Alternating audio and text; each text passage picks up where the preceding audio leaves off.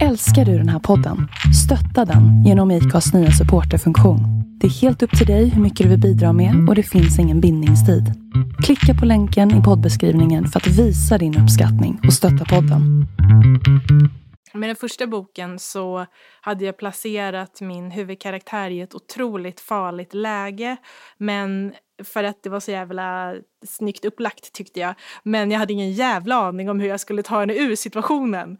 Eh, så det fick jag ju liksom lösa och då, då märker man att de här kugghjulen snurrar ju konstant för jag gick och la mig och jag tänkte på det här och så vaknade jag klockan fyra på morgonen. Jag liksom satte mig rakt upp i sängen och så hade jag lösningen klar.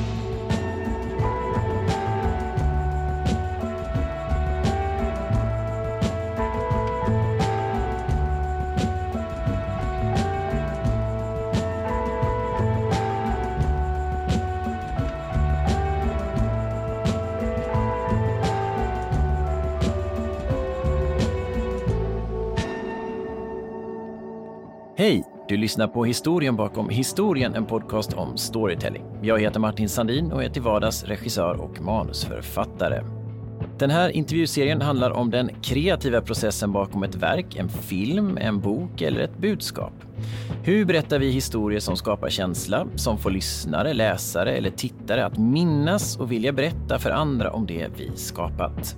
Och spelar det någon roll om vi skapar för oss själva eller om målet är en kommersiell storsäljare? Vad är det som avgör, varför då och hur går det till? För varje nytt avsnitt lär jag mig nya saker. En ynnest, det hoppas jag att du också ska göra. Nu är det dags för dagens gäst. Hon är journalist och författare, en person med stort socialt engagemang som inte räds att ta i eller skriva om svåra frågor och ämnen enligt egen utsago en arbetsmyra. Något som lyser igenom i hennes berättande. Hon är dessutom effektiv, väldigt effektiv. På de senaste fyra åren har hon släppt lika många kriminalromaner. Stort välkommen hit Pernilla Eriksson. Tack, vad kul att vara här. Du, om vi börjar med arbetsmyra, hur är en sån? Det är en som med eh, lust och glädje tar sig an sina arbetsuppgifter. Nej, inte varje dag kanske. Men jag började jobba på tidningen Okej när jag fortfarande gick i eh, gymnasiet och fick tidigt ta ganska mycket ansvar. Där sköt jag fart och satte igång och har jobbat på magasin och kvällstidning och sajt och tv-produktionsbolag. Och Arbetsmyran är väl också att man inte räds grovjobbet och de här mindre roliga uppgifterna och man gnäller inte när eh, någon lägger på en extra grejer därför att man inser att man lär sig och växer av allt. Um, ja, inom rimliga gränser såklart. Um, men jag har alltid gillat att jobba och jobba hårt och um, jag visste så tidigt vad det var jag ville jobba med. Men, men om vi säger att du började i tonåren och, och jobba journalistiskt och, och med författardrömmar. Hur har du utvecklats under den perioden fram till nu, upplever du själv? Oj, eh, jättemycket hoppas jag. För det är klart att man gör en massa misstag på vägen och lär sig av dem. Men jag tror att mer och mer något som har vuxit inom mig är en längtan efter och ett, ett nästan behov av att berätta berätta om samhället genom eh, mänskliga öden och genom Alltså jag älskar att djupintervjua människor och att få tid att göra det och att skildra bitar av samhället genom deras röster. Och jag och fotograf Magnus Wennman träffade under en tre månaders period eh, en ung tjej som säljer sex och skrev eh, och, och, gjorde ett, ett reportage om det som blev väldigt läst. Och eh, hon är en viktig röst och hon berättar någonting viktigt om vårt samhälle, om vår samtid. När jag var ung så var jag nog, då hade jag väl då var det ju jättespännande att intervjua många av de här stora stjärnorna som kanske till och med eh, hade varit mina idoler och sådär. Jag kommer aldrig glömma när jag Eh, skulle träffa Beyoncé. Det första vi börjar prata om är, för hon, hon ger mig en komplimang för, för mina kläder. Och jag säger att eh, ja, men det här, allt jag har på mig är köpt second hand. Och det, det antar jag att det gör, sånt handlar inte du. Och hon säger jo, jo, jo, jag älskar second hand-kläder. Det är bara det att jag kan inte gå ut i butiken själv utan jag måste skicka min stylist och sådär för att det blir sånt ståhej när jag går ut i affärer. Och sen så spann vi vidare på det och så började vi prata om hennes liv förändrats och sådär. Uh, och då älskade jag ju att se uh, människan och vardagen hos de här superstjärnorna jag intervjuade. Det tyckte jag var jättespännande. Jag upplever att någon gång när jag gjort intervjuer att, att den personen du intervjuar kan också ha uppmärksammat att oj då, nu hamnade jag lite utanför ramen här. Det gäller ju att med silkesvantar ta det vidare. Hur gör du då? Det är klart att det finns ju de som direkt drar ner ridån och hur mycket man än lirkar så kommer man inte vidare därför att man rörde vid någonting som var väldigt känsligt och jobbigt och sådär. Eh, det är klart att det kräver någon slags benägenhet att prata om ämnet men samtidigt så um, bara liksom de här korta enkla följdfrågorna. Vad tänkte du då? Vad kände du då? Vad gjorde du då? Uh, hur ser du tillbaka på det och sådär. Um, är det väldigt många ändå som liksom ger någon slags svar på, upplevde jag i stunden. Så att det enda är ju att man som intervjuare lyssnar och är närvarande och tänker fan det där vill jag veta lite mer om. Med din erfarenhet, vad betraktar du vara en bra historia? Det kan ju vara så väldigt, väldigt olika beroende på eh, sammanhang. Det här reportaget som vi gjorde nu eh, tycker jag var viktigt, inte bara för att Kelly, som hon heter, hade en eh, viktig berättelse om sin egen del, om sin egen väg in i att sälja sex och i bemötandet av torskarna och också att det verkligen är män i alla delar av samhället, som hon säger då, både män som jobbar på McDonalds och företagsledare som liksom köper sex, utan också att hon ingår i, eh, i ett nätverk, stödnätverk, eh, Inte din hora, som um, som ju, där hon också har kontakt med andra kvinnor som har sålt sex eller säljer sex och därigenom också kan ge röst åt deras upplevelser och deras väg in. Och um, jag älskar ju historier som liksom berättar någonting mer om vår samtid och det kan man ju få av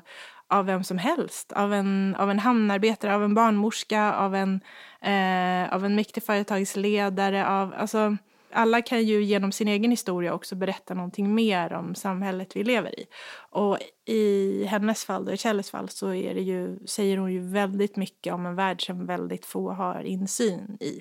Jag har läst, eh, läst ett långreportage som du sa som, jag, som låg ute på Aftonbladet för, för um, en tid sedan. Mm. Eh, och, och, det är ju eh, brutalt, eh, eh, fruktansvärt jobbig läsning. Eh, man blir ju såklart, man, man undrar ju väldigt mycket saker eh, hur kring, kring alla medverkan egentligen, fast på olika sätt.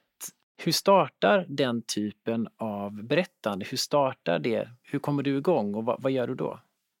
Om man ska titta på engagemanget för jämställdhetsfrågor till exempel för mig. Jag har ju skrivit ganska mycket om, om sexualbrott. Jag har intervjuat flertal kvinnor som har eh, på olika sätt överlevt eh, övergrepp och, och liksom gått vidare och eh, eh kunnat berätta om den resan och den här rättslösheten som många känner. Och där kan det ju börja med att, att någon eh, har sett något annat reportage jag har gjort och helt enkelt mejlar mig eller eh, på annat sätt kontaktar mig och eh, vill berätta sin historia och sådär.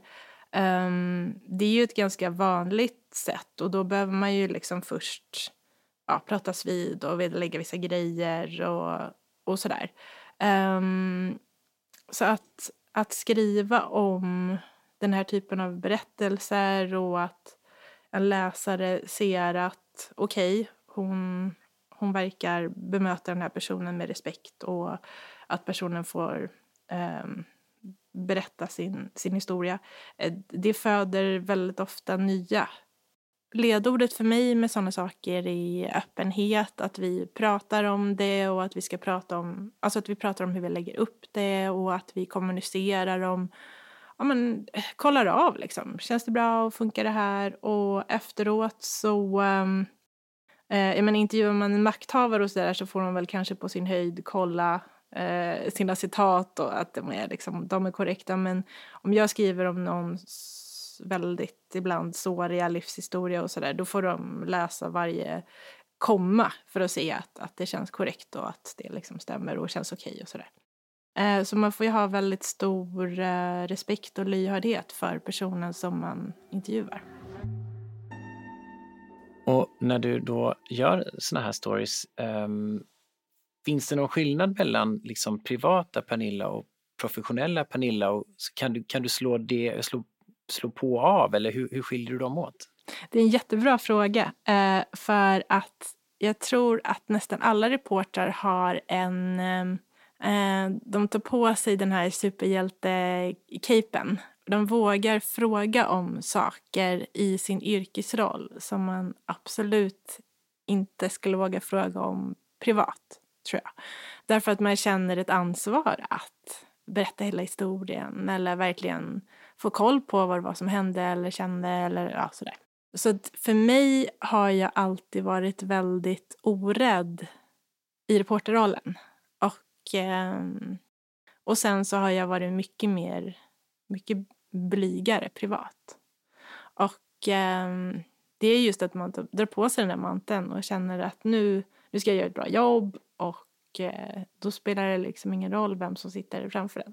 Hur mycket är det eh, en känsla och, och, och, att man verkligen känner att den där inre motorn, det där engagemanget finns? Hur, hur påverkar det dig beroende på vad du gör? Jag tycker det drivet finns med hela vägen i att berätta en engagerande historia. Och, um, och sen så kan det där slås på ännu mer när man är i stunden och sitter och intervjuar en person och um, man får hela bilden. Alltså jag använder ju det här i alla mina olika yrkesroller. Jag gör jättemycket researchintervjuer Eh, när jag skriver kriminalromaner till exempel. Jag intervjuar till exempel för varje bok en kriminalinspektör som heter Ludvig Sandberg som är, är så oerhört skicklig polis och hans, han har varit så generös med sin tid för att jag ska kunna bygga upp trovärdiga poliskaraktärer och sen så har jag också även behövt intervjua allt ifrån eh, ja, sjöräddare till brandmän till alltså läsa på om allt ifrån hur eh, grader av förmultnelse med döda kroppar eh, prata med eh, sjuksyrror. Alltså, det är ju jättemycket research man behöver göra och jag kan även när jag skriver en bok använda eh, berättelser som jag har fått som journalist och väva in dem för att göra en karaktär mer trovärdig och sådär. Så eh, förmågan att göra intervjuer och att vara nyfiken och eh, berätta en historia, den har jag haft nytta av i alla mina olika jobbroller. Du har ju jobbat mycket på, på Aftonbladet, skrivit mm. mycket för Aftonbladet.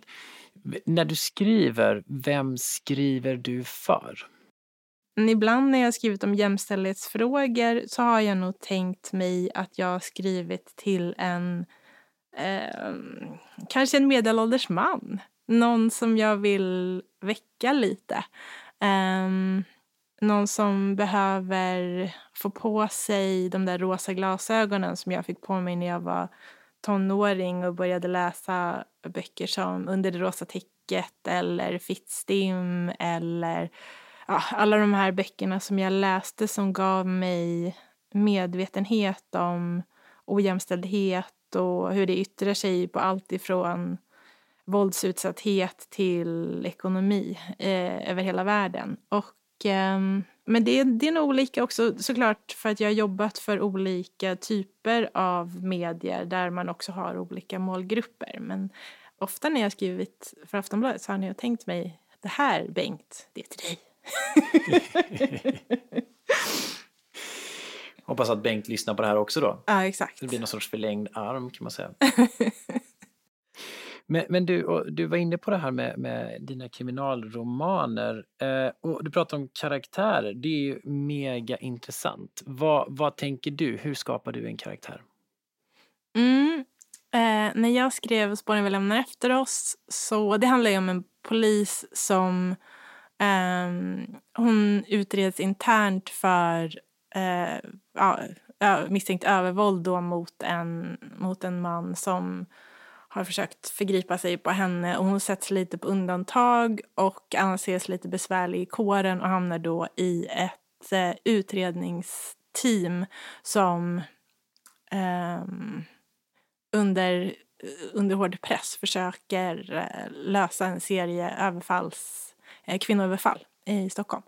Och där var det, hur jag satt ihop det teamet, det består ju alltså då av Liv Kaspi som är en ehm, ung kvinna med högt våldskapital. Hon är liksom uppvuxen i mycket av de här um, eh, och, och sådär som jag har varit i lite grann. Eh, och hon har stor drivkraft och hon har ett stort feministiskt raseri inombords och hon Eh, hon drivs av att bekämpa mäns våld mot kvinnor. Och sen så har vi en eh, eh mycket äldre kvinnlig kriminalprofessor, Edith. Och, där, eh, och sen så är det då hackerna Mina och sen så är det Rickard som har eh, han kommer med från den kriminella världen och där är det hans liksom, nätverk och kontakter som de har nytta av. Och när jag satte ihop det här väldigt udda utredningsteamet så var det för att det var en serie karaktärer som jag saknade i kriminalromaner. Jag var lite less på alla dessa försupna äldre kriminalkommissarier som eh, inte fick ihop sina personliga relationer men ändå trots det på något magiskt sätt var så himla lyhörda och bra på att läsa av människor och lyhörda inför deras signaler och sådär. Men i deras egen tillvaro så var de ju helt jävla hjälplösa. Jag tyckte att det saknades äldre kvinnor. Jag tyckte att det saknades mångfacetterade kvinnor. Eh, jag tyckte att det var en underrepresentation av eh, smarta, skickliga kvinnor med eh, rötterna i Mellanöstern. Ehm, de var ganska ofta brottsoffer snarare än liksom ehm, den här tjejen med pondus och skills. Så jag satte väl ihop det utredningsteam jag själv hade längtat efter och skrev en deckare med ganska mycket mm, ilska och försökte väl fläta in olika samhällsfrågor som engagerade mig samtidigt som jag skulle skapa en spännande deckare. När du liksom satte ihop eh, den här storyn, alltså eh, grundstoryn, hur, hur gick du tillväga då? Hur går du tillväga när du skriver som författare? Har du också liksom såna här små band som du fäster och post-it-lappar och små bilder och gör ett liksom mosaik eller hur går det till? Exakt så. Det ser ut som att det bor en CSI-dåre hemma hos mig. Jag lät en hel vägg upptas av en tidslinje och jag flyttade mm, post-its fram och tillbaka och eh, men, saker skulle ske parallellt och jag skulle knyta ihop säcken på olika ställen och jag skulle få in överraskande vändningar och Egentligen finns det ju två olika skolor kan man säga med deckare. Och antingen så skriver du ju om en, om en förövare som, det kan ju vara en oerhört spännande historia men inget där läsaren kan gissa sig till vem det är utan det är liksom man jagar en, en Eh, en, en, liksom en mörk gestalt där som inte går att, att skymta. Eh, och det är ju ena skolan och det var spåren vi lämnar efter oss. Och sen längre fram har jag börjat skriva pusseldeckare. Och det är ju en annan typ av utmaning för författaren därför att då har du ett antal aktörer som du placerar ut för läsaren. Och sen har ju läsaren då möjlighet att, att gissa sig till vem är mördaren av dem. Och då ska du både lägga fram ledtrådar, men inte för tydligt. Eh, och samtidigt som du ska lura lura iväg läsaren på irrvägar. Men när du sätter dig då, du har din, din timeline som växer på väggen, mm. post-its. Mm. Vad, vad får hamna på väggen? Jag skriver alltid kronologiskt. Eh, jag vet att det finns eh, författare som liksom kan skriva någon slags timeline eller grundstory och sen kan de i stort sett hoppa in och börja skriva kapitel 32 eh, direkt för de vet vad som, har, vad som har hänt innan och vad som har hänt efter. Men jag upplever ofta att karaktärerna eh, växer längs vägen och att man ibland överraskar sig själv med vändningar man kommer på och upplevelser som om, så om jag hade börjat skriva kapitel 32 direkt så vet jag ju inte vad, vad min karaktär upplevt längs vägen. Så jag skriver alltid kronologiskt och sen så går jag och grunnar och fnular på vad den här boken ska innehålla och vad som är, liksom, vad är, vad är brottet, vad är, vad är själva grundstoryn. Och sen så börjar jag bygga på den och börjar fundera ut en bra twist och sådär. Och när jag har den tanken, då alltså jag börjar få någon slags stom, stomme till det här manuset. Då sätter jag ut ett antal hållpunkter längs vägen. Alltså de här kanske tio sakerna vet jag kommer hända längs vägen. Och sen så hur jag tar mig från punkt A till punkt B, det kan ju ändras längs vägen. Och, eh, men jag vet vad jag ska, ungefär. Med den första boken så hade jag placerat min huvudkaraktär i ett otroligt farligt läge. Men för att det var så jävla snyggt upplagt tyckte jag. Men jag hade ingen jävla aning om hur jag skulle ta henne ur situationen. Eh, så det fick jag ju liksom lösa och då, då märker man att de här kugghjulen snurrar ju konstant för jag gick och la mig och jag tänkte på det här och så vaknade jag klockan fyra på morgonen. Jag liksom satte mig rakt upp i sängen och så hade jag lösningen klar. Och så där är det ju. Så man går ju och, och, tänker och grubblar väldigt mycket innan man sätter igång att skriva. Och när jag har byggt min, ehm, min den här tidslinjen då, så att det ser ut som en CSI, då är det hemma hos mig. Då måste jag börja fylla i luckorna. Eh, då måste jag börja intervjua alla de här människorna som kan hjälpa mig att, eh, att beskriva allt ifrån hur en obduktion går till, till eh, om det är en mordbrand, eh, hur man först eh, hanterar släckningsarbetet och så vidare och så vidare. Um, så det är en jäkla massa researchintervjuer jag måste göra och platser jag måste besöka och saker jag måste läsa på om och lära mig om innan jag faktiskt kan börja skriva. Och som alla vet som har skrivit en bok så ju mer du vet och ju mer du kan och ju mer du känner till desto bättre blir ju eh, boken i form av att du till exempel är bekant med miljöerna eller, eller så. Jag vet ju att det finns författare som har skrivit böcker som till exempel utspelar sig i Chicago och bara använt Google Maps. Men jag tror ju att det blir en betydligt bättre bok om man faktiskt har gått på Chicagos gator. Och av den anledningen så har jag också valt att använda miljöer där jag har varit ganska mycket och där jag känner mig ganska ja, hemtam. Oh men gud, nu har jag massa frågor på det här. Men, men om vi börjar bara på det senaste. Varför tror du att, att en berättelse blir bättre om den är förankrad i någonting som du i det här fallet har upplevt i verkligheten kontra att du bara har hittat på den? Eh, ja, vissa saker måste jag ju såklart ha hittat på. Ingen har någonsin försökt mörda mig, tack och lov. så det får jag ju bara liksom, det får jag utgå från intervjuer jag gjort och reportage jag läst. Men om du till exempel är på en plats och faktiskt kan beskriva um, hur dammet ligger över gatorna eller hur solen blänker i fönsterrutorna eller hur varmt eller torrt eller kallt det är där och hur det luktar på den där platsen och så vidare så kommer du ju hjälpa läsaren att verkligen kliva in i berättelsen. Eh, och ju mer du kan och ju mer du eh, är bekant med någonting desto mer närvaro kan du bjuda på. Och, och sen undrar jag också så här, eh, för det är väl nästan det som jag är mest eh, nyfiken på av allting, den här eh, att komma i kontakt med det underliggande. Mm. Med den här, kalla det intuition eller vad man nu vill kalla det för någonting. Hur gör du för att hamna där? Du sa nyss att, att, att du vaknade på natten och bara Eureka, vilket nästan låter som så en författare-kliché. Men, Nej, det var ju sant. det var ju så. Uh, men, men det är en kliché.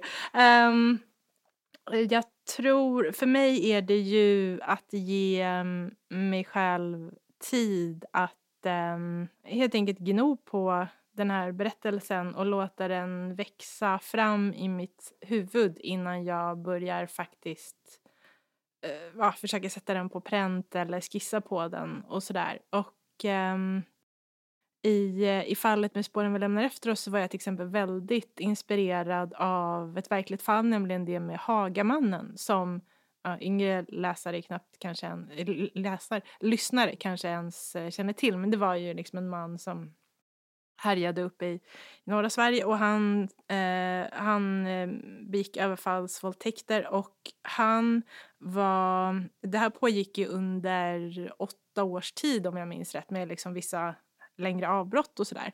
Och varför han var så svår att ta fast var ju bland annat för att han inte alls eh, stämde in på den här profilen som man hade på liksom en överfallsvåldtäktsman. Han var ju någon som hade jobb och familj och liksom var väl inkapslad i samhället. Och det där är ju någonting som jag tyckte var väldigt spännande att använda den där minst förväntade förövaren.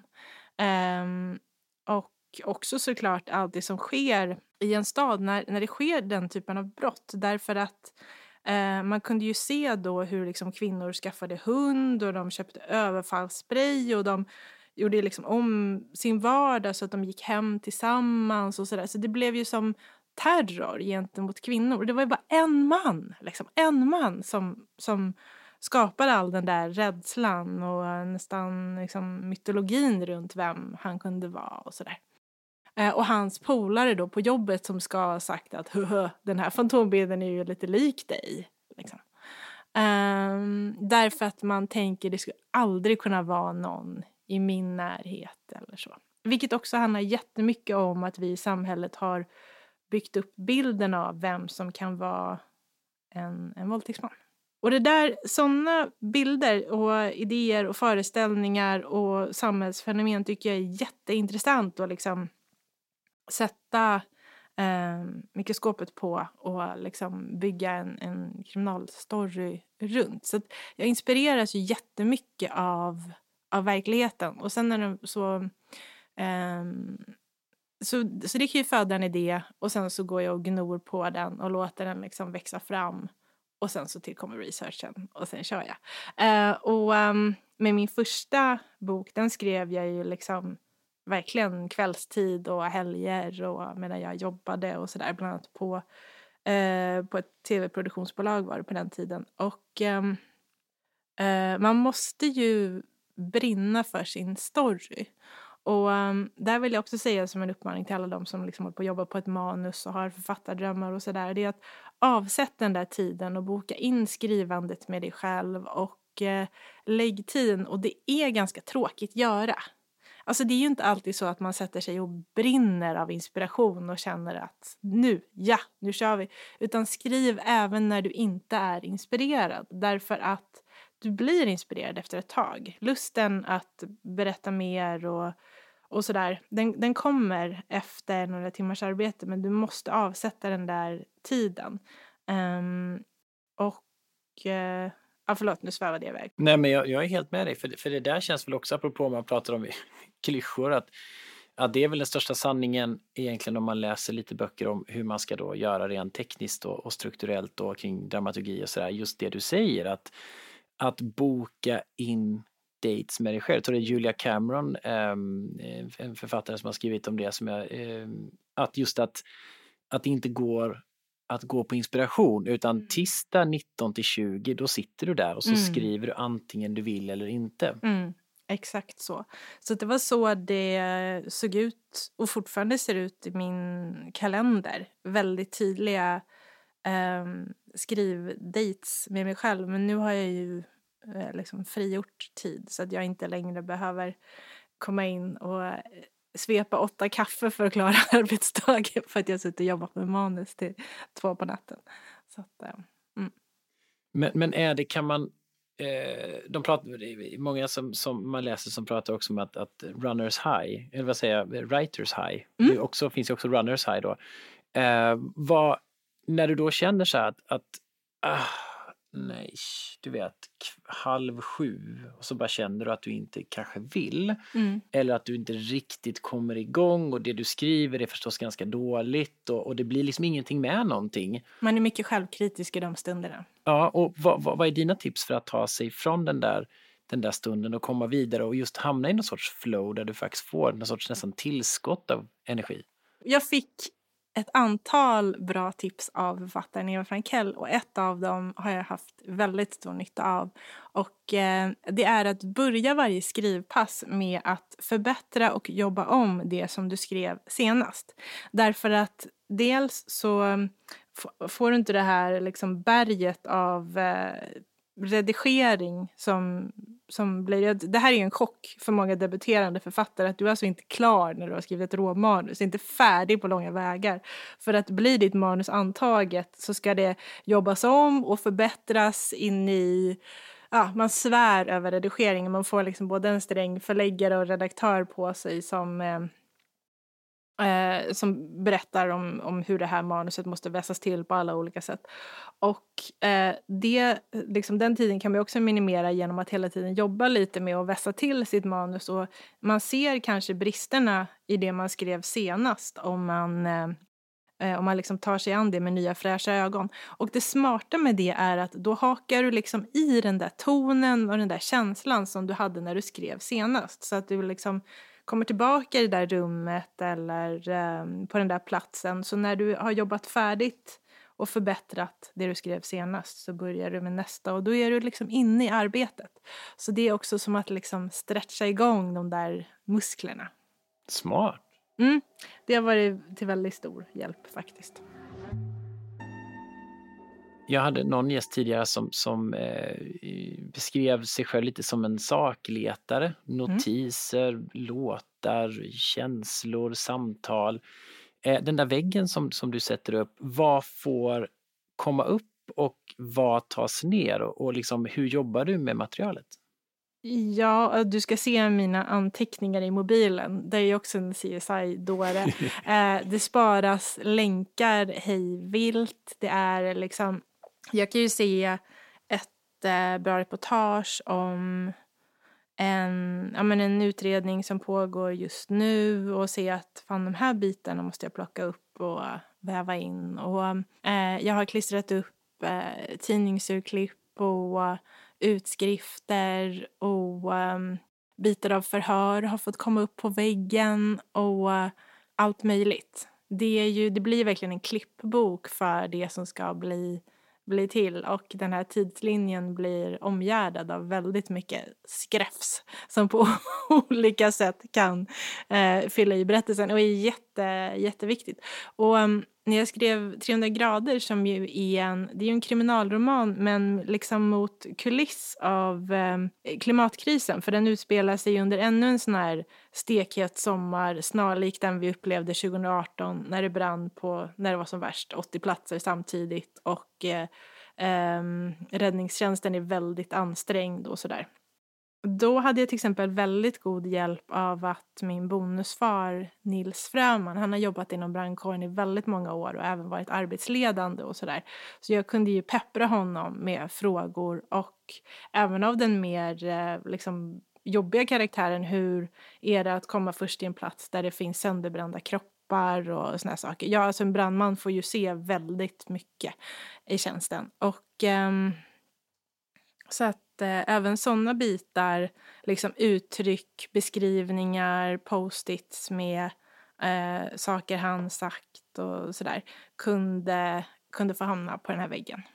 Och nu har vi pratat mycket om processen där den har flutit på rätt bra ändå. Mm. Om det nu är så att, att det, du eh, har hamnat i kläm ibland i, i din skrivprocess och, och, du inte har kommit framåt, hur har du tagit igenom det då? Där kommer arbetsmyran i mig in att okej, okay, jag, alltså jag kan nå en puckel och känna att fan nu blev det lite motigt eller jag kan nog trots allt inte tillräckligt mycket om det här eller håller det här eller hur skulle det gå att lösa. Men för mig är det då gör mer research, eh, fördjupa ditt kunnande ännu mer om hur en sån här situation skulle kunna se till eller vad, liksom hitta den här pusselbiten som du saknar. För jag tror att väldigt många gånger så stöper man ju på att man inte, man kanske inte vet allt det man behöver veta eller det kan också bara räcka med att göra en researchintervju som ger dig en ny infallsvinkel eller sådär. Så att researchen är ju ens bästa kompis för att komma över skrivpucklar. Med skrivandet för mig så har det varit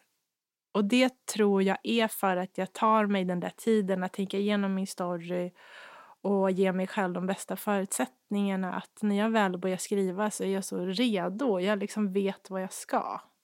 Um, ja, så att jag, och sen så har jag, jag kan tvivla på mig själv i på tusen olika sätt och vara enormt självkritisk och sådär. Men när det kommer till skrivande så är det ändå min, min trygga plats. Och det har det alltid varit sen jag var sju år och var den där lilla nörden som satt och skrev på mammas maskinskrivnings rullar. Liksom. Det, är så här, det är mitt rum och när jag går in där då är jag trygg.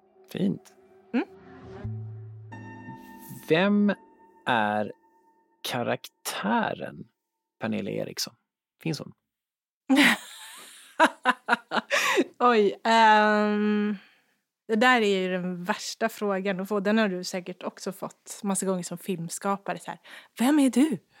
Vad brinner du för? Um, Nej, men jag tänker i böckerna så här, är, det, är du en superhjälte också? jag fick faktiskt höra av en författarkollega att jag, han jobbar på en helt annan typ av, av bok och han har inspirerats av mig till en karaktär som han håller på och bygger just nu. Jag är jättenervös för att läsa den boken för att då kommer jag ju se mig själv genom hans ögon och det kanske är förfärligt att skåda. Um, men för mig så är det väl um, Ja, alltså karaktären Pernilla Eriksson är ju, som arbetsmyran har vi redan klarat av. Um, sociala engagemanget har vi redan klarat av. Um, jag är ju någon som, jag är ju uppvuxen med två kvinnor egentligen kan man säga. Alltså jag uppfostrades ju framförallt av min mamma och min mormor som bodde i vardera ändan av av eh, liksom, den här lägenhetslängan som vi bodde i i Haninge. Och eh, jag behövde väl inte sakna någonting men det var heller kanske inte den, ja vi var väl inte den rikaste familjen men det var en familj som var väldigt rik på kärlek och, ehm, och diskussioner och min röst räknades och intressanta samtal och mycket kultur därför att kultur var tillgänglig till exempel genom biblioteket och genom olika kulturevenemang i kommunen och sådär. Eh, jag är en person som är nyfiken, brinner för mycket eh, samhällsfrågor, nyfiken på människor. Jag försöker att alltid vara öppen för att lära mig mer. Jag, tror, jag hoppas vara nyfiken tills jag dör. Därför att det är ett så viktigt eh, det är viktigt både för mig som människa och som arbetsredskap. Och jag är en person som också anser att familj inte bara är de du får vid födsel och sådär. Utan också människor du omger dig, dig med och um, bjuder in i ditt liv och, och sådär. Och jag är väldigt lycklig lottad att ha en väldigt stor familj på alla möjliga sätt och vis. Din familjesituation eh, just nu eh, tar dig ibland norrut mm. till helt nya vidder eh, där du får se helt nya saker. Eh, hur, hur påverkar det eh, författaren? Alltså min kille Andreas, han bor ju varannan vecka i Örnsköldsvik och han har i sin eh, lilla son eh, där uppe, tio år. Och på grund av att han har sin, sina rötter där och ett hem där så är jag såklart mycket uppe i Övik, som man säger. Um, och det har ju inte bara gett mig liksom, nya bekantskaper och um, det har gett mig ett, en ny ett nytt lugn faktiskt. Bara att vara där, det är en annan lunk än vad det är i, i Stockholm. Det och um, fantastiska naturupplevelser och um, jag tycker att man, och, och nu kanske jag ja, uttrycker mig fördomsfullt, men jag upplever att man i Övik är ännu bättre på att umgås med familj och vänner och bjuda in. Och det kan ju ha att göra med att väldigt många i Övik bor i hus. Inte i de här små trånga lägenheterna som folk bor i i Stockholm. Det finns ju lägenheter där också såklart. Men, men man har ofta eh, liksom en tomt eller en veranda, terrass och där så ställer man ett långbord och så bjuder man in eh, god vänner och släkt och, ehm, och umgås. Såklart enklare när det inte är pandemi. Men, eh, och det där tycker jag jättemycket om. Att jag har fått liksom lära känna Andreas eh, släkt och, och att de verkligen ses och gör grejer ihop och så tycker jag är jättemysigt. Um, men det är också en lugn plats för mig att eh, att skriva på. Um, och eh, jag tycker absolut inte att fördomen om norrlänningen stämmer. De är absolut inte inbundna eller fåordiga och eh, väldigt många av dem smattrar som kulsprutor när de pratar. Och, ehm, eh, men det har gett upphov till en norrländsk eh, karaktär eh, i den bok som jag jobbar på nu. Eh, en kriminalkommissarie som, eh, som min kille har fått namnge och som han, eh, där jag eh, drar ur honom eh, olika liksom, uttryck och ehm, ja, jag får förfina dialekten med hjälp av honom och sådär. Så det har gjort avtryck på massa sätt och framförallt att jag är mycket mer i en del av landet som jag inte varit i så mycket tidigare. Och eh, det är jäkligt nyttigt att bli påmind om hur, hur stort Sverige är, hur mycket det finns att se, hur rikt vårt land är och hur mycket det finns att uppleva och sådär. Äh, älskar att vara i Övik. Så, så genom dina verk så skriver du till viss del också din egen historia? Mm, absolut. Norrlänningen gör entré i nästa bok. Gud vad spännande. Om, om man eh, avslutningsvis här eh, sammanfattar lite grann eh, vad en bra historia är och, och, vad du letar efter en bra historia och hur vi faktiskt tar oss dit. Vad skulle du säga då? Um, svaret på den frågan är ju så väldigt olika beroende på vilken typ av bok man skriver såklart. Med en kriminalroman så finns det ändå vissa beståndsdelar som läsaren förväntar sig. Det är som ett kontrakt mellan läsare och författare att du kommer att få förhoppningsvis en medryckande berättelse, karaktärer som engagerar dig, ett, eh, ett brott som ska lösas på olika snåriga vägar. Eh, och eh, sen så skriver man ju, om man skriver deckare så kan man ju skriva liksom bladvändare i olika hög grad och sådär. Eh, och det är ju en väldigt specifik form och nu när jag har jobbat på det här barnboksmanuset så har det ju varit helt andra eh, saker jag har tänkt på. Fortfarande en medryckande berättelse men jag har tänkt mer på en annan typ av karaktärsbygge och sådär. Så vad tar vi med oss? Eh, vad, sätter jag ner spaden nu när jag ska börja skriva min bok? Vilken typ av bok ska du skriva? Martin? Jag vill skriva en, jag gillar socialrealism väldigt mycket, mm. relationsdrama, mm. människor som, som, jag brukar säga, eller nu blir det, de här små, de här små lite, de här små sakerna vi gör som, mm. som får ganska stor betydelse fast i vardagen. Mm. Om jag var som du så skulle jag börja med att gno den tanken i huvudet och eh, gå runt med, verkligen låta ögon och öron vara parabolantenner i din bekantskapskrets för att det finns så mycket spännande frön där som man kan snappa upp och bygga någonting av. Och Eh, sen så skulle jag ha anteckningsblocket eller mobilen nära därför att en bra idé eller story eller infallsvinkel eller någonting kan ju dyka upp när man minst anar det och då gäller det att ta vara på den. Och sen så låter du din eh, historia liksom gno och växa ett tag innan, eh, innan det är dags att sätta igång och faktiskt sätta papper i maskin, som man sa back in the days. Um, där återigen tappade den unga lyssnaren, vadå papper i maskin, vad snackar de om? um, och sen så kommer du ju även när du, om du ska liksom skriva den socialrealismen och um, ödesrelationen, du kommer ju fortfarande behöva göra väldigt mycket research. Liksom. Um, och bestämma dig för vilken plats och hur och var och Eh, under tids, eh, vilka tidsramar jobbar vi med och ska det vara tillbakablickar och hur ska du lägga upp det här? Och så då kanske du behöver använda det här verktyget, tidslinjen, för att få en överblick över din berättelse. Och sen så behöver ju du då som en hårt arbetande familjefar också hitta luckorna för att börja skriva. Och bara det kan ju vara en kamp. Eh, Kanske ansöka lite stipendier för att få den där skrivtiden. Ja, jag önskar dig varmt lycka till Martin. Det låter som att jag måste hitta min inre arbetsmyra. Mm. Hörru, tusen tack för att du var med och pratade. Tack så hemskt mycket för att vi kom. Det var hemskt trevligt. Tack så mycket.